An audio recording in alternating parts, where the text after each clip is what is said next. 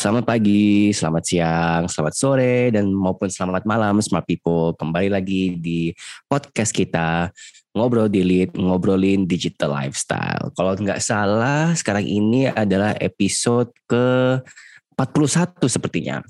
Jadi wah lumayan ini, ini tinggal 9 episode lagi udah mau apa 50 episode sepertinya perlu ada semacam celebration nih kalau udah episode 50. But uh, anyways, uh, podcast kita kali ini hanya ada aku dan Mbak Ines karena Mas Adat sedang uh, menikmati liburannya dan maka kali ini mungkin meskipun tongkrongannya sepi tapi tidak bukan berarti uh, topik kita sepi. Ini sebenarnya topiknya cukup yang rame nih dan mungkin apa ya ini adalah topik yang spesial buat Mbak Ines. Jadi mungkin bisa kasih sedikit cerita atau mungkin background nih kayak apa yang akan kita bicarakan di episode uh, ngobrol diri kita hari ini. Jadi itu kita mau ngomongin soal, hmm, sebenarnya udah lama sih ini kayak kalau quote to quote ditanya kasusnya tuh udah lama. Tapi kita mau ngomongin soal internet shutdown. Kenapa? Iya. Karena aku baru aja publish guys.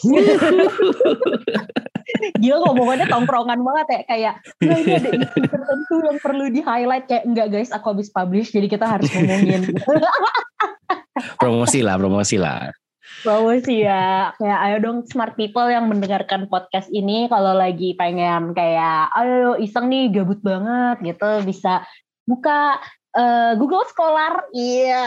Yeah. Google Scholar, ah udah beda kasta ini Mbak Ines. Serem, serem, serem. Walaupun yang nama jadi underline cuma dosennya, akunya sih enggak gitu. Jadi intinya uh, aku baru publish soal uh, tesis aku yaitu internet shutdown di Papua lewat kebijakan eh, lewat perspektif kebijakan publik gitu. Hmm. Jadi kemarin Karin eh, Karim bilang ya ya ayo lo Mbak Ines gas aja gak sih taruh podcast gitu. Terus aku bilang gas lah. Jadi bisa lihat di di Google Scholar kalau ketik internet shutdown itu ada di page 2. Gila freak banget gak sih Rim? Oh, sampai tahu. Keren ya. loh itu. Sumpah, sumpah. Keren keren. Berarti kalau misalnya ada smart people nih yang lagi mau ngerjain tugas atau mungkin ngerjain skripsi, dan mungkin ada bahas dikit nih tentang internet shutdown, bisa banget loh apa uh, ngesitasi tulisannya Mbak Ines lewat Google Scholar. Kapan lagi HDFL coba? 2022 ya guys ya. keren keren keren keren keren. Aduh. Oke, okay, jadi itu spesifiknya apa sih Mbak yang dibahas di apa internet shutdownnya Mbak Ines ini? Jadi intinya sih sebenarnya tesisku yang 400 halaman itu wow. itu tuh ngomongin soal uh, kebijakan internet shutdown itu tuh yang di Papua sih lebih di, lebih spesifiknya karena kan ya UGM Indonesia kan. Jadi hmm. aku tuh pengen aku waktu itu membahas soal uh, kebijakan internet shutdown itu sendiri dan bagaimana uh, secara kebijakan eh, secara apa ya teori kebijakan publik tuh mengatakan kalau sebenarnya kebijakan tuh seharusnya tidak diambil dengan cara seperti demikian. Nah, bab limanya tuh literally membuktikan hal itu. Yang aku yang aku publish juga membuktikan hal itu kayak kenapa ini tuh kayak menurutku cacat secara teori kebijakan eh, publik sama kayak nah kebijakan itu tuh dinarasikan gitu loh kayak narasinya ini nih yang pengen aku bawa ke tongkrongan hari ini. Ya, aku, kita maksudnya gitu. Kayak mau dibawa di tongkrongan kita hari ini adalah pas lagi dinarasikan itu, kebijakan internet shutdown tuh ada dua porosnya. Menurut hmm. pemerintah itu hmm. adalah kebijakan internet shutdown dilakukan sebagai upaya untuk melindungi keamanan nasional gitu. Hmm. Dan kalau menurut masyarakat yang waktu dalam konteks penelitian aku itu adalah uh, eh, non government organization atau apa sih namanya lembaga swadaya masyarakat LSM. LSM. LSM itu adalah suatu pelanggaran HAM gitu. Hmm. Dan ternyata hmm. tuh setelah aku teliti waktu itu tuh itu tuh konteksnya bukan cuma di Indonesia aja yang mikir kayak gitu Jadi internet shutdown itu tuh berkejadian di berbagai negara. Kalau menurut Access Now tuh ada eh, 81 kali dalam 34 negara selama tahun 2021. Itu udah melakukan Tuh. internet shutdown. Jadi semuanya hampir semuanya tuh alasannya sama. Itu untuk melindungi keamanan nasional atau eh, melindungi kepentingan ekonomi negara kayak gitu yang paling hmm, hmm, hmm. spektakuler dan yang menurut aku paling 11-12 sama apa yang terjadi di penelitian aku itu adalah yang Myanmar. Kan Myanmar kan juga hmm. lagi di tengah apa sih militariku bahasa Indonesia-nya Rim? Kudeta, kudeta militer. Iya, kudeta militer kan. Nah, jadi mereka tuh melakukan internet shutdown. Nah, terus itu pemerintahnya tuh emergency broadcast di TV. Intinya ya dia bilang kalau misalnya mereka melakukan internet shutdown, mereka tuh maksudnya di sini pemerintah Myanmar ya, mm-hmm. itu mm-hmm. melakukan internet shutdown atas dasar uh, keinginan untuk melindungi masyarakat dari uh, hoax dan berita tidak benar kayak gitu.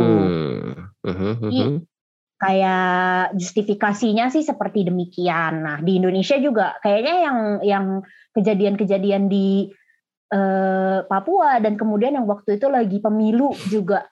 Ingat gak sih Rim waktu itu pemilu kan tahun lagi 2019 ya? Yang, iya 2019. Jadi kan ada website KPU tuh yang untuk iniin apa namanya eh, ngasih lihat kalau live count, live count. Iya iya iya iya. Yang di websitenya mereka itu. Nah itu kan hmm. kemudian apa namanya chaos kan karena menyatakan bahwa paslon eh, kayak paslon B menang daripada paslon A menurut hmm. live count tersebut kayak gitu. Hmm. Nah itu chaos tuh langsung orang demo di depan KPU di Menteng sana. Nah hmm. terus abis itu pemerintah karena ya takut banyak concern lain BKKDSB itu melakukan internet shutdown supaya orang-orang yang ada di demo itu tuh tidak bisa memberitakan apa yang terjadi misalnya kayak gitu. Nah, mm-hmm. tapi kayak kalau dari apa namanya UN juga, UN tuh bilang internet shutdown itu tuh kerugiannya tuh sampai nggak bisa dihitung. Mm-hmm. Karena kayak ya era pandemi ini membuktikan ke kita semua betapa krusialnya internet bagi kita kan, gitu. Jadi sekarang mm. kita coba kayak gimana ya Rim kayak ruminating menurut yeah, kamu yeah, yeah. yang namanya uh, internet shutdown itu tuh ini gak sih kayak etis gak sih kayak bisa gak sih hmm. dilakukan pada saat semua orang tuh udah kayak bergantung banget gitu sama internet hmm. kalau apa ya kalau menurutku sih obviously itu mm, apa ya adalah suatu hal yang gak boleh dilakukan gitu loh kayak apa pun dasarnya hmm. apa pun dalilnya apa pun justifikasinya mau itu untuk keamanan negara lah mau itu untuk menjaga apa uh, arus informasi yang benar lah atau apa ya itu itu enggak gitu loh nggak bisa karena aktor yang melakukan ini kan adalah uh, negara gitu loh pemerintah yang memiliki apa ya agenda gitu loh. Terlepas apakah ini ada pelanggaran hak atau enggak dan terlepas apakah kita emang sudah apa ya sangat dependen terhadap internet ini nggak ada bedanya dengan apa ya uh, dulu kita apa orde baru kayak apa ya um, apa sih istilahnya itu? Kayak ketika pemerintah apa ya memiliki kendali atas media gitu loh It's no oh, different iya, iya. gitu loh. Hanya mediumnya kan berubah saja kan. Kalau kita dulu mungkin dependensinya adalah kepada media. Kayak kita mendapat informasi ya hanya sekedar dari uh, apa? Dari koran, dari TV, dari radio, dari buku. Itu pun juga buku dilarang kan ada berapa. Now in this case kadang kan semua itu accessible melalui internet informasi apa pun loh baik itu yang mungkin dicap hoax sebagai negara atau mungkin yang dicap sebagai apa ya informasi sesat oleh negara tapi kan at the same time hmm. ya apa ya ketika negara melakukan apa ya mengecap suatu hal sebagai hal yang buruk itu bukan berarti kita harus terima mentah-mentah gitu loh justru kita harus hmm. question hmm. them gitu loh apakah ini memang sebenarnya buruk atau emang ini adalah suatu hal yang ingin dijaga status status quo-nya oleh negara gitu loh dan apa ya uh, mungkin Binance lebih ngerti ya karena ini memang risetnya Binance kan tapi kalau aku lihat dari yang kasusnya Papua ini ya itu menurutku benar-benar kurang ajar gitu loh mereka ngomongnya demi ke apa menjaga keamanan negara tapi at the same time keamanan negara apa ini maksud lo yang ingin dijaga hmm. gitu loh apa yang ingin dijaga itu loh. Kayak kalau dalam konsep security kan ada namanya reference object. Kayak reference objectnya ini ini tuh siapa gitu loh. Kalau mm-hmm. emang itu dalam apa kasusnya Papua is the reference object not the Papuan people gitu loh. Kalau misalnya iya dan bukan berarti dengan apa memotong akses dari internet ini justru malah menjadi insekuritas. Malah jadi apa ya bahaya bagi mereka itu loh hmm. bagaimana orang itu bisa tahu kabar keluarga mereka yang ada di sana yang mungkin terlibat langsung oleh konfliknya atau bagaimana orang tahu hmm. sudah sampai mana nih konfliknya itu apa uh, menyebar itu loh akses informasi ini kan apa ya sangat krusial tuh loh di masa-masa yang negara cap sebagai apa masa-masa uh, darurat dan apa harus apa atas nama keamanan negara gitu loh. To bagi pemerintah oke okay lah itu memang apa wah kita harus menjaga keamanan negara lah inilah tapi bagi hmm. orang-orang seperti kita kan kita nggak tahu kayak keamanan negara itu apa yang dimaksud itu loh very arbitrary hmm. dan kayak hampir semua ini mungkin agak agak agak tangent ya karena aku juga barusan selesai skripsiku dan aku kayak agak kesel sama RUU PDP kayak hampir semua layers of RUU PDP hampir semua layers of apa uh, legislasi maupun apalah itu selalu dengan klausa yang menyatakan bahwa it's always smooth apa apa apa it's always smooth ketika itu uh, dengan dalil keamanan negara. Tapi it's never explain hmm. apa itu keamanan negara, parameternya apa.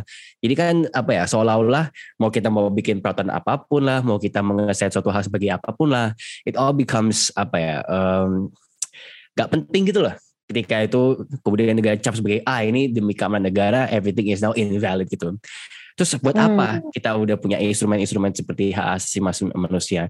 Buat apa kita punya instrumen seperti peraturan dan sebagainya? Kalau ujung-ujungnya itu akan dieksploitasi kembali oleh para uh, uh, policy makersnya gitu loh ini, ini agak agak tangent dari pertanyaan Mbak apa Ines yang pertama kayak this, this is definitely adalah menurutku ya ada soal apa ada suatu hal yang pelanggaran ham yang besar gitu loh. Ini ini ini ini nggak hmm. bisa nggak bisa diam diaman itu loh. Dan dan karena ada pelanggaran ham yang besar, obviously internet adalah internet akses adalah emang salah satu hak asasi manusia yang tidak bisa apa ya kira be alienated gitu loh. Hmm. Oke, okay, could argue dan mungkin orang-orang itu masih susah lah untuk bisa mengakses internet. Tapi susah apa mengakses internet itu kan simply ya karena mereka tidak memiliki means untuk mengakses internet itu. Hmm. Bukan berarti itu apa pemerintah itu melihat untuk merebut akses tersebut itu loh. Kalau orang emang nggak bisa beli kota dan nggak bisa akses internet, ya udah, that's on them gitu loh. Bukan berarti negara memiliki hak untuk mencabut total akses terhadap satu apa terhadap internet bagi suatu daerah gitu loh. Itu hmm. yang yang menurutku harus di apa ya apa yang harus diketahui oleh smart people tuh loh kayak bedanya kayak ya kalau orang nggak bisa akses internet ya udah that's that's on them itu loh kuotanya habis lah mungkin atau wifi-nya mungkin nggak nyampe sinyalnya atau apa dan sebagainya itu kayak itu kan uh, that's up to them itu loh how they access the rights itu kan kembali lagi kepada mereka. Tapi kalau misalnya negara yang kemudian memblokir situs lah, memblokir akses lah, itu kan patut dipertanyakan kayak for what reasons are they doing this hmm. gitu loh kayak yang minta mereka untuk melakukan itu tuh siapa gitu loh. Kalau misalnya ya. dalilnya keamanan negara emang seluruh warga negara minta untuk dilakukan hal seperti ini. Itu sih. Itu sih. Mungkin ini kayak agak-agak sedikit ranting. Karena aku juga setelah ngerjain skripsi kayak bener-bener apa ya outlookku terhadap apa RUU PDP terhadap cyber security terhadap apa ya general security dan apa ya kemudian baca-baca punya Mbak Ines tentang shutdown ini jadi kayak bener-bener kayak ah, mungkin aku bias tapi kayak at the same time ini nggak bisa gitu loh nggak nggak yeah. bisa itu loh cannot cannot cannot apalagi pas pas pas masa pandemi gitu kayak wah hmm. oh, kita sudah sangat apa ya mengandalkan internet untuk melakukan segala hal dan emang itu kan himbauan dari pemerintah kan ya kayak yeah, literally yeah. pemerintah yang bilang kalau kita yang harus cari online alternatif. Tapi kalau mereka merebut akses online-nya ini ya sama aja gitu loh. Bahasa hmm. Jawanya jupie kamu maunya kayak gimana? gitu kan jadi makin bingung oh, jupie.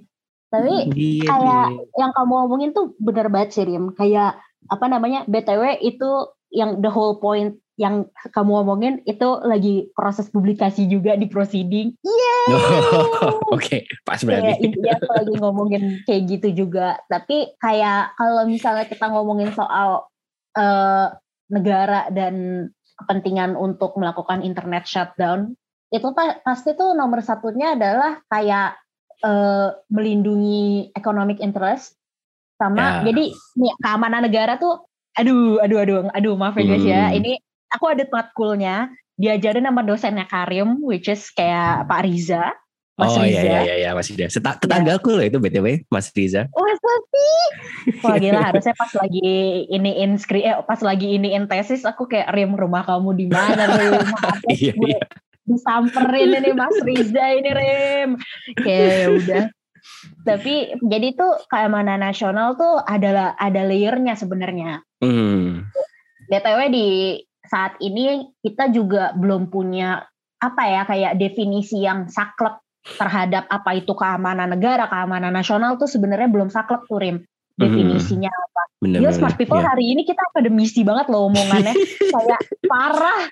Kayak definisinya Karena ini penting. gitu kan. Bener-bener. Biar kita nggak dieksploitasi.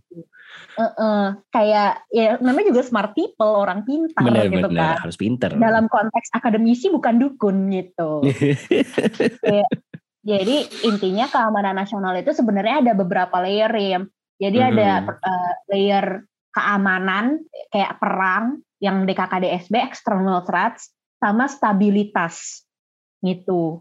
Jadi stabilitas negara tuh termasuk dalam kayak payung uh, keamanan negara kayak gitu, keamanan nasional sih sebenarnya konsepnya. Mm-hmm. Jadi stabilitas nasional itu kan termasuk dengan yang kayak gini-gininya nih, kayak apa uh, keadaan masyarakat, terus isu-isu yang isu-isu politik yang mengin, yang dekat dengan masyarakat. Terus kalau misalnya smart people, ini jangan terkonsepsi dengan politik tuh permainan kekuasaan bukan gitu loh. Hmm. Politik tuh something yang sebenarnya tuh everyday life kita itu adalah yes. suatu isu politik gitu loh. Kayak kalau misalnya nih aku bilang, aduh Rim, aku miskin, aku ngomong kayak gitu. Terus abis yeah. itu ya. Karim bilang, aku juga miskin gitu. Terus abis itu Mas Adat bilang, ya aku juga. Terus abis itu semua orang juga yang tinggal hmm. di uh, Jogja, Jakarta, terus ada yang ngomong eh, Jogja, Jakarta, Sumatera, wherever it is di Indonesia ngomong, ya kita juga miskin. Berarti kemiskinan tuh isu politik gitu. Kalau misalnya kita semua merasa nggak aman di sosmed, kalau kita merasa kayak, oh gue takut nih main di internet soalnya kena penipuan online, tapi yang ngomong kayak gitu ada dua juta masyarakat Indonesia, yeah. berarti itu adalah isu politik gitu loh. Yes. Nah, jadi itu stabilitas nasional tuh di dalamnya juga termasuk yang kayak gini-giniannya nih. Terus termasuk juga kayak keadaan ekonomi negara kayak gimana. Terus abis itu karena ekonomi kan pasti akan membawa uh, apa ya kayak uh, urge untuk orang tuh frustasi dan kemudian melakukan sesuatu hal yang keotik kayak gitu kan. Nah itu hmm. semua tetap dalam elemen stabilitas negara, stabilitas nasional maksudku. Nah stabilitas nasional ini termasuk salah satunya adalah melindungi masyarakat dari hoax. Melindungi keamanan nasional itu adalah melindungi masyarakat dari stabilitas nasional, eh, eh, melindungi masyarakat dari hoax karena melindungi masyarakat dari misinformasi adalah suatu bentuk eh, upaya negara untuk mm, menjaga stabilitas nasional kayak gitu. Nah, itulah kenapa internet shutdown tuh dianggap sebagai cepat. Nah, kalau misalnya di penelitianku itu tuh si Kemenkom Info sama mm-hmm. polisiannya Papua pada saat itu itu mengambil keputusan untuk melakukan internet shutdown karena menurut mereka eh, spread informasinya tuh terlalu cepat sehingga kalau misalnya di blok satu-satu itu nggak mungkin karena ribet gitu. Hmm. Nah, tapi kayak apa ya? Kalau misalnya jadi itu caranya gini Rim supaya mereka biar oh ini biar cepet nih. Itu tau nggak caranya gimana? Jadi gimana semua tuh? stakeholdersnya itu dibikinin grup WhatsApp. Uh yang di dalam grup WhatsApp itu tuh kayak isinya ya uh, semua yang berpengaruh, eh, semua yang punya kepentingan. Kayak misalnya Kemenkominfo, Kemenkum, eh Kemenko, Kumham, Kumham, terus mm-hmm. abis itu polisi, uh, perusahaan ini perusahaan telekomunikasi itu semuanya ada dalam grup WhatsApp itu. Uh, I, I could lose some somewhere, tapi aku lupa. Tapi intinya mm. ini semua yang bersangkutan itu Nah, terus kemudian di grup WhatsApp itu, eh gimana nih Papua gitu loh. paham nggak maksudku nah terus habis itu udah internet shutdown aja udah shutdown aja deh biar biar ini biar biar aman kayak gitu nah Hmm. tapi tapi tapi tapi yang menarik intinya kayak menurut mereka me- kayak kalau di shutdown aman gitu kan? Ya, eh ternyata begitu di shutdown makin chaos. Makin chaos, makin rusuh. gitu. Karena orang-orang jadi kayak waduh gimana nih? Kayak yang benar banget kata kamu tadi ada apa namanya nggak bisa iniin keluarganya. Terus gimana yang deket di sana? Nah terus yang lebih chaotic lagi adalah rumah sakit ATM Ya, ya, ya. Dan ETC ETC itu jadi nggak bisa berjalan karena internetnya mati gitu. Kemudian kayak banyak infrastruktur yang terhenti gara-gara internet shutdown ini. Kalau di datanya yang Papua ini sih seingatku ruginya tuh sampai 1,2 billion kalau nggak salah. Hah? Kayak eh enggak enggak enggak. 1,2 billion tuh glo- eh, 1,2 miliar US Oh, dollar ya. itu Ah, global.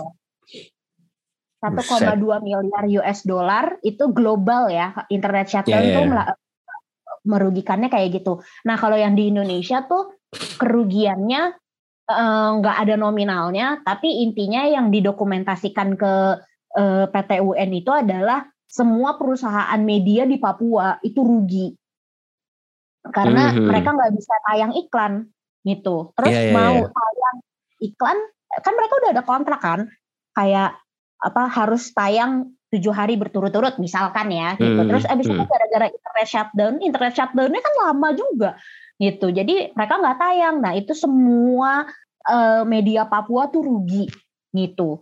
Terus abis itu kayak yang kerugian-kerugian yang imaterialnya tuh juga sulit untuk ditali kayak gitu loh. Jadi Hmm. kayak menurutku sih karena ya aku kan penelitinya ya, tapi intinya menurutku yang namanya internet shutdown tuh kerugiannya tuh terlalu besar untuk Iya, iya. upaya pengamanan yang cost. menurutku Ah. iya kayak nggak seberapa. Karena kalau kata kalau kata kepolisian dan kalau kata Kominfo, internet shutdown tuh quote sebenarnya beragak berhasil. Yah. Karena kemudian jadi ada yang ke, jadi contain chaos gitu loh. Tapi contain Oke. chaosnya juga sangat, sangat sulit dimengerti gitu. Karena Iya, contain iya, chaosnya ya berarti kita nggak tahu what happened Iya, iya, iya. gitu. Dan itulah yang kemudian diserang sama eh, apa LSM ya contain chaos tapi tetap chaos kan di Papuanya. Lagi pula Mm-mm. eh, asal muasal eh, kenapa Indonesia melakukan internet shutdown itu satu sisi tidak sejustifiable yang dilakukan oleh pemerintah Myanmar loh menurutku. Karena Iya, iya, pemerintah Myanmar literally melakukan internet shutdown karena mereka sedang di tengah kudeta militer gitu kan. Hmm. Indonesia itu waktu itu di apa namanya eh, pas lagi pemilu internet shutdownnya gara-gara chaos akibat hasil pemilu itu. Mm-mm. Terus nomor dua yang di Papua itu dilakukan karena eh, chaos gara-gara rakyat Papua marah akibat serangan rasis yang dilakukan ke mahasiswa Papua di Surabaya, Rim Iya, iya, iya, iya. gitu. Jadi rakyat Papua marah banget. Terus abis itu pemerintah kayak apa namanya eh, kayak lama gitu loh. Maksudnya Mhm. gimana ya? Yang namanya meluncurkan investigasi kan memang tidak semudah itu ya. Tapi menurutku tuh kayak ya wajar kalau rakyat Papua marah. Apalagi sejarah Indonesia sama Papua sampai segitunya kan ya. Yes. Let's not get into that. Tapi kayak Hmm. yang namanya internet tuh walaupun orang-orang tuh suka bilang ah di Papua mah nggak ada internet ya you could be Yeah. more wrong you couldn't be more wrong di Papua ada internet guys Heeh. kayak kayak yang Jayapura, Manokwari, Fakfak, Sorong itu ada internet Ada, gitu ada. Dan kayak they rely on that untuk kayak ya itu tadi transfer apa BPJS kesehatan mereka kan satu pintu. Itu tuh Hmm. ada. Gitu internetnya gimana ya tapi sulit ya sih. Sulit sih untuk mengkaji fenomena internet shutdown tanpa mengambil suatu stance tertentu.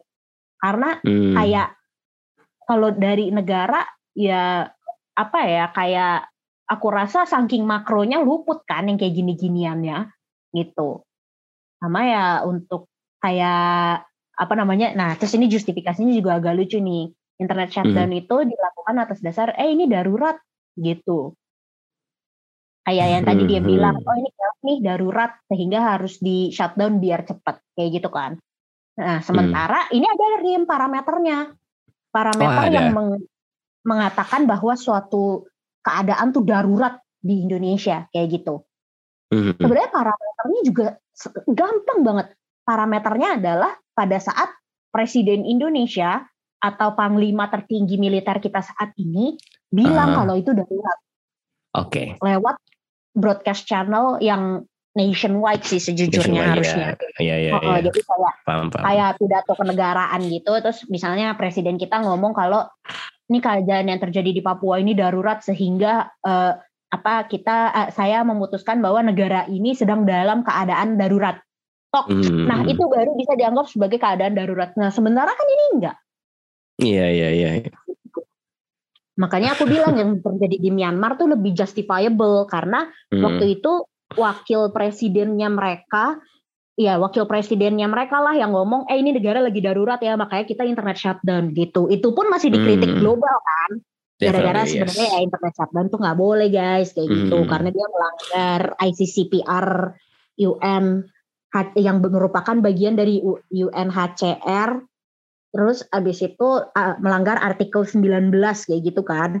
Nah, hmm. tapi menurutku justifiable karena mereka sudah mengikuti protokol yang mengatakan bahwa Myanmar sedang berada dalam keadaan darurat. Nah, Indonesia tuh enggak gitu. Hmm. Menarik ya. Aku aku malah baru tahu kalau misalnya apa parameternya itu hanya sekedar cukup apa presiden maupun apa tinggi militer yang bilang kalau ini keadaan darurat. Aku pikir kayak perlu ada kayak apa ya kayak semacam mekanisme lain yang kayak to really justify apakah ini adalah keadaan darurat atau enggak gitu loh. Soalnya setahu aku bahkan ketika pandemi aja kayaknya nggak nggak dibilang deh kalau negara itu dalam keadaan darurat itu loh. Kayak nggak pernah explicitly ngomong kalau apa bahkan ketika pandemi yang the actual darurat gitu lah ya kayak not to belittle apa yang terjadi di Papua tapi kayak pandemi is actual apa keadaan darurat. Dan aku nggak tahu mungkin iya Jokowi mengatakan atau enggak tapi aku nggak ingat kayak apakah ada presidential decree yang mengatakan bahwa ini adalah apa keadaan darurat yang butuh uh, apa ya? Uh-uh. iya penanganan khusus gitu kan. Iya iya. Tapi kayak, kayak darurat uh, soalnya ada darurat militer sama darurat yang sipil gitu loh. Oke oke oke sebenarnya tuh aku rasa sih tidak sesimpel yang aku bilang barusan ya, tapi yeah, yeah, yeah. itu udah di dalam, paham Garim? Jadi kita hmm, tidak, paham.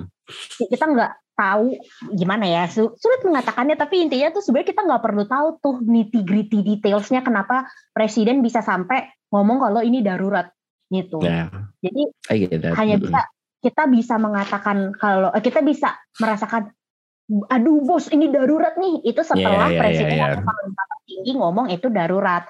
Nah tapi hmm. kayak declaring suatu situasi itu darurat ya itu tuh kemudian akan ini loh rem akan akan membawa efek besar ke yang lain. Jadi nanti kemudian UN atau misalnya court of uh, international court yang lain ah, itu yeah, nanti yeah, akan yeah, yeah. gitu. Bener, bener, oh beneran jadi darurat. Yang kayak gitu-gitu. Oh oke oke oke jadi Makanya kayak bisa sembarangan negara, bilang darurat atau iya. enggak gitu ya. Oke oke oke oke. Kalau misalnya dibilang darurat, nanti tuh Indonesia akan subject to international court yang kita menjadi bagian di dalamnya kayak gitu kan. Hmm. Nah, terus internet shutdown, kalau kita balikin lagi ke internet shutdownnya, dia tuh sebenarnya agak kontroversial gitu loh karena eh, Indonesia itu enggak bukan termasuk negara yang meratifikasi bagian itu, paham nggak? Iya iya iya. iya. Jadi benar, kita nggak kita nggak menganggap itu adalah suatu eh, hak akses terhadap internet tuh sesuatu yang sangat krusial tuh kayaknya kita nggak menganggap itu beneran gitu. Kalau misal sama kayak negara-negara Mesir itu juga enggak.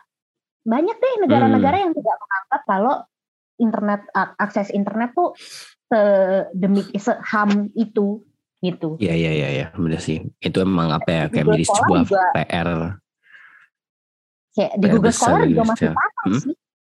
Oh iya. apakah internet merupakan suatu suatu hak asasi apa bukan? Oh, oke oke oke. Baru tahu aku. Soalnya kayak ada yang bilang kalau eh, apa akses internet tuh kan kalau misalnya itu dianggap sebagai suatu ham, kayak Hmm. Parameternya tuh gimana?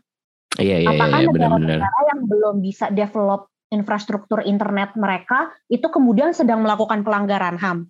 Kan Iya iya kemudian iya. iya. orang-orangnya jadi nggak bisa akses internet gitu. Kalau in the case of Papua, geographic kayak ekstremitisnya itu sulit untuk ditaklukkan untuk pemerintah kita saat ini gitu loh. Hmm. Dan itu faktornya faktor alam. Apakah mereka sedang melakukan pelanggaran HAM karena mereka tidak bisa membuat internet menjangkau ke daerah sana? Kan itu enggak juga. Nah itu satu poros. Poros Hmm. lainnya tuh bilang eh, bukan akses terhadap internetnya, so not the technology, tapi informasi yang dibagikan di internet tuh adalah suatu hak. Jadi hak kita nih untuk kayak nge-zoom, kayak untuk Google Meet, untuk baca berita, untuk dapat Hmm. berita, WhatsApp orang tua di WhatsApp balik itu adalah suatu hak. Jadi haknya tuh yang itu, bukan akses terhadap internetnya secara in general katanya tuh kayak gitu. Which kalau Hmm. dilihat ya bener uga gitu loh. Jadi sebenarnya haknya adalah akses terhadap informasi, kebebasan berpendapat yang dari zaman bahla juga udah di udah disetujui menjadi suatu bentuk HAM kayak gitu kan. Iya iya iya. Menarik menarik menarik menarik. Hmm, iya ya, kalau jadi gini kan kayak apa ya debat apakah ini adalah pelanggaran HAM atau enggak juga masih arbitrary gitu sih. Tapi Mm-mm. apa ya mungkin deny kayak emang dampaknya itu ada dan menurutku ini Mm. adalah apa ya kasus yang apa ya Papua ini cukup apa ya aku masih benar-benar nggak bisa mikir justifikasinya itu loh kayak oh oke mungkin ini apa dalilnya adalah untuk contain spread out of hoax misalnya kayak emang Hmm. apa ya udah ada civil unrest dan sebagainya. Jadi kayak mungkin apa ya alternatif yang dipikirkan oleh pemerintah di saat itu adalah internet shutdown. Tapi di saat yang sama kalau kita lihat dari apa eh, kerugian apa dampak kerugiannya yang didapatkan itu kan juga apa ya eh, cost and benefit ratio-nya itu apakah sepadan gitu loh karena kan Hmm, sepahamku iya. kalau kalau kalau bikin bikin kayak gini kan kayak kalau dalam apa ya aku juga belajar dari apa dari kelas juga kalau dalam strategi kan juga harus bikin kayak apakah apa ya cost apa ya cost benefit ratio-nya itu sepadan gitu loh kayak apakah dalam melakukan hal ini benefit yang didapatkan itu sepantas apa ya se selevel atau Sepadan. lebih bahkan tapi kalau Oh. dilihat juga kenyataannya ya enggak juga gitu loh karena yang ada malah apa ya put a spotlight di pemerintah itu loh kayak jadinya wah kalau misalnya apa ada isu dikit mainnya itu dong. Berarti kan pemerintah mainnya internet shutdown dong. Dan Iya. menurutku apa ya lagi-lagi ini mungkin berangkat dari apa ya skripsiku yang aku riset selama dua hari tiga hari.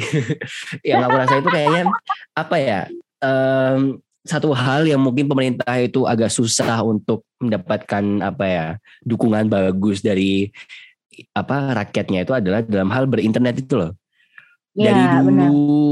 apa ya menteri kominfo apa yang dulu bilang internet cepat buat apa dari dulu kasus-kasus apa blokir internet apa positif atau apa itu kayak dari dulu apa ya eh, permasalahan izin yang kayak apa eh, apa kalau misalnya mau apa membuat situs itu harus diresmikan eh, di Indonesia dan harus membuat cabangnya di Indonesia itu, itu Iya, kan iya. apa ya agak agak-agak geli gitu loh kayak maksudku Agak-agak Ah, gimana geli. ya? Kayak zamannya udah maju tapi kayak langkah-langkahnya itu sangat archaic dan sangat kuno gitu loh. Jadinya kan Aku rasa apa sih ya? itu terjadi karena ini sih tim kayak apa namanya ya kan nggak bisa dipungkiri kalau yang lagi berkuasa kan bukan cyber natives. ya ya Jadi- ya that's true Aku rasa pemerintah kita saat ini pejabat-jabatnya, aku rasa bukan cuma pemerintah kita saat ini ya, tapi pemerintah di seluruh dunia kali ya. Itu ya tuh ya ya masih Transition. belum dapat menggrasp kayak dapat kayak paham gitu loh konsep dari Mm-mm. internet itu sendiri kayak Iya, iya, iya. borderless-nya terus apa namanya kayak apa namanya spasio temporalnya ya internet benar-benar kayak gitu-gitunya tuh belum belum dapat bahkan Angela Merkel aja yang notabene menurutku adalah kayak ya kalau ada sosok pemerintah yang sangat berpengaruh selama satu dekade dua dekade terakhir bahkan itu hmm. adalah ya dia gitu loh dia yeah. tuh bilang internet tuh terra incognita sulit hmm. banget untuk apa itu internet dan apa do, dominion apa yang kita punya akan uh, mengamankan orang masyarakat di internet kayak gitu itu tuh sangat sulit hmm. untuk dimengerti dan kemudian kalau ada hal yang sulit dimengerti kan reaksinya cuma dua kayak fight or flee gitu kan nah aku yeah, rasa yeah, Indonesia yeah, yeah. kita flee jatuhnya kayak oh yaudah deh kalau gitu hmm. gitu daripada kita bingung ya udah blok aja padahal yeah, yeah, sebenarnya yeah, yeah. kayak hmm, there are other ways kayak apa seperti ganja deh misalnya pemerintah Belanda kepusingan nih ngelawan ganja ilegal. Ya udah legalin aja ya, legalin aja kan angka ganjanya jadi jadi biasa aja. Nggak nggak iya, turun iya, nggak nggak uh. jadi biasa aja gitu loh. Hmm, jadi bener, bener, bener, aku rasa sih mindset yang perlu di diadopsi terhadap internet dan segala kemajuannya itu tuh bukan shutdown tapi lebih ke arah kayak ya udah case by case aja. Kayak oh hmm. hoax hmm perlu diluruskan. Ya udah lurusin hoaxnya kayak gitu. Apa sih concernnya? Kayak daripada kabur ya mendingan kayak rea iya. ribet tapi tetap aja itu harus dilakukan gitu loh. Benar-benar benar-benar dan dan apa ya kayak kalau dari benar sih kayak fight or flee-nya itu kan kesannya emang apa ya um, kesannya ya udah pemerintah Indonesia itu kayak udah kalau ini udah sampai kayak kita api ini the best solution adalah internet shutdown gitu loh. Kayak let it apa ya uh, biarkan dia redam dengan dirinya sendiri gitu loh. Dan kayak nggak mau apa ya kesannya cuci tangan gitu loh. Kayak ya udah ini urusannya kita tutup kita kubur siapa tahu dengan internet shutdown dua tiga hari selesai nih masalahnya. Padahal kan enggak gitu loh. Kayak mungkin mereka bilang kayak it's contained tapi bukan berarti the hoax is eradicated gitu loh kayak Yo, the best way menurutku untuk mangkal hoax adalah dengan mengakui kalau itu adalah hoax admit that the hoax exists kenapa hoax itu muncul dan jelaskan mengapa ini adalah hoax gitu loh. Banyak banget kan LSM LSM seperti yang udah udah yang apa ya yang kayak gitu. Kayak misalnya Mavindo um, yeah, masyarakat yeah. anti fitnah Indonesia itu kan udah bagus itu loh kayak put that level on an apa ya governmental level gitu loh. Kayak jangan nunggu yeah, yeah. sampai orang-orang seperti kita untuk baru bisa yang meneruskan yang itu emang adalah pekerjaan dari negara gitu loh. Dan oke okay lah aku ngerti kayak mungkin pemerintah itu kayak masih apa ya uh, nggak terlalu apa ya again mereka bukan apa internet native dan kayak mereka juga masih sulit untuk grasp apa bagaimana the internet works. Tapi kayak yang aku paham itu kayak the one thing yang emang negara itu bisa lakukan adalah dari segi physical aspeknya itu loh kayak boy apa ya fokusnya itu ke arah-arah pengembangan itu loh pengembangan pemberian akses dan sebagainya urusannya terjadi dalam apa ya dunia siber itu adalah hmm. satu hal yang nggak akan bisa selalu di apa ya kekang itu loh nggak akan bisa dikontrol selamanya itu loh justru malah kita hmm. semakin press apa ya uh, yang terjadi di apa internet itu malah akan jadi semakin apa ya mendam terus kayak apa ya meledak gitu loh jadi semakin besar gitu loh. Hmm. yang yang mungkin kesannya itu simple jadi malah jadi lebih apa ya lebay gitu loh kesannya. Kayak iya iya. ya, jadi meledak-ledak aja. Iya iya ya. kayak out of proportion gitu loh. Kayak mungkin hoaxnya apa gitu loh. Not to deal apa ya not to belittle what the hoax was atau kayak mungkin dampaknya apa. Tapi kayak maksudku apa ya kalau sistem apa ya kalau penangannya adalah reactionary seperti ini dan kayak nggak mikir langkah-langkah selanjutnya ya apa ya it leaves a bad taste untuk orang-orang eh, Papua hmm. untuk orang-orang Indonesia lainnya dan kayak semakin dan semakin lagi kayak distrust apa ya masyarakat terhadap apa ya pemerintah Indonesia atas apa eh, pelakuannya terhadap internet makin jadi itu loh. Iya, yeah, yeah, benar. Terus ditambah lagi kayak gini kayak kita udah sering ngeluh apa internet kita itu lemot belum juga kayak apa ya most provider kita itu adalah by WMN yang punya monopoli atas uh, yeah. pasar dan akses jaringannya. Hal kayak ini kan yang bikin kita mikir kayak ini serius nggak sih? Apa pemerintah kita itu ngurusin tentang iya, internet yeah, itu loh. benar benar benar. Kok malah apa uh, kok malah berani beraninya main internet shutdown ya? Wong emang internetnya shutdown tiap hari kok dengan dengan dirinya sendiri gitu loh kayak Iya iya benar benar. Happens on its own gitu loh kayak jadi capek gitu loh kayak apa ya nggak nggak cuma dari ini doang sih tapi kayak mungkin agak tension lagi nih dari dari segi RUU PDP nih ah mereka bilangnya mau kita sahkan selama lamanya tanggal 7 Juli Sekarang udah tanggal 8, ini mana ini? As of this recording. Kok katanya? Apa? Katanya akan Agustus. Ah, bilangnya Juli, itu sekarang Agustus. Dulu juga bilangnya November atau April, sama aja gitu loh. Dan tapi kalau yang menariknya ini adalah semua gara-gara G20 ini mereka mau langsung ngegasin RUU PDP. Iya. Tapi apa ya RUU PDP ini udah selesai masalahnya? Belum gitu loh. Jadi kayak it's all reactionary hmm. gitu loh. Ya, itu adalah belum selesai. awal dari pemerintah kita, reactionary. reactionary. Problem awal. Bener-bener kayak oke okay lah kalau misalnya in those critical times reactionary is fine. Kita sekarang di relatively peace time gitu loh, di mana bersikap reactionary hmm. itu justru malah brings more harms than goods gitu loh. Gak ada salahnya Betul. kita menunggu beberapa saat, istro, apa ya, introspek, membenahi diri sendiri, kemudian do what we need to do gitu loh. Jangan langsung yeah. gegabah dan kayak langsung reactionary gitu-gitu sih menurutku gak bisa. Gak One bisa. thing yang smart people bisa lakukan sih kayak itu adalah educate yourself more on this topic. Gimana caranya, Rim? Oh, itu pasti dengan melihat dan membaca riset-riset kita dengan membuka website kita di cfds.pcpol.ugm.ic.id atau follow di Instagram kita at CFDS underscore UGM. Biasanya kalau di Instagram kita tuh pasti akan ada itu sih postingan-postingan tentang riset kita. Tapi the main mm-hmm. source of our research itu semua akan ada di website kita. Jadi sering-sering lah mampir sama people karena kita sering banget kok bahas tentang kayak gini-gini gitu. Dan mungkin kalau aku udah selesai sidang atau apa itu mungkin aku bakal publish skripsiku lewat CFDS juga. Jadi siapa tahu kita tinggal tunggu saja nanti. Serius, keren banget Rim. Kenapa aku nggak berpikiran hal yang sama ya? Langsung aja kayak masukin aja jadi kayak digit times atau apa gitu gampang lah biar semakin accessible kepada semua smart people ini. Ya, ya nanti deh mungkin disertasi aku deh. Ya, amin amin amin. amin amin amin. Wah, jangan apa ya smart people ini bentar lagi juga Mbak Ines mau cabut loh, mau apa lanjut studi. Jadi mungkin apa teman ngobrol diri kita akan berubah lagi dan ya semoga kita bisa menikmati masa-masa kita sebelum Mbak Ines cabut untuk studinya. Ayo tenang, aku paling akan stay sampai episode 50 kok. Itu kayak oh, itu okay. milestone. pasti pasti itu pasti. Milestone. Milestone. Ya, aku dari episode berapa sih? Sumpah, aku rasa dari episode 11 kali ya. Dari uh.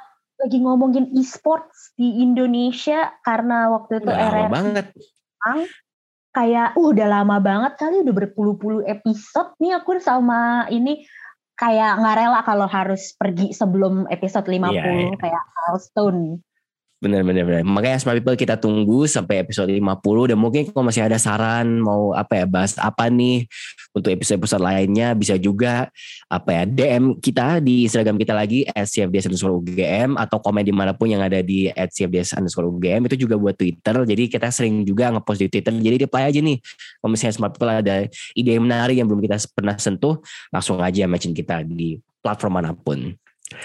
Sekali lagi, thank you banget smart people sudah dengerin episode kita kali ini yang mungkin eh, sedikit akademis ranahnya dan semoga mm-hmm. dari apa ya podcast kita kali ini smart people bisa belajar sedikit apa ya sedikit apa ya sedikit-sedikit tentang security dan keamanan negara dan sebagainya gitu. Jadi itu cukup cukup apa ya topik topik yang menarik sih itu menurutku.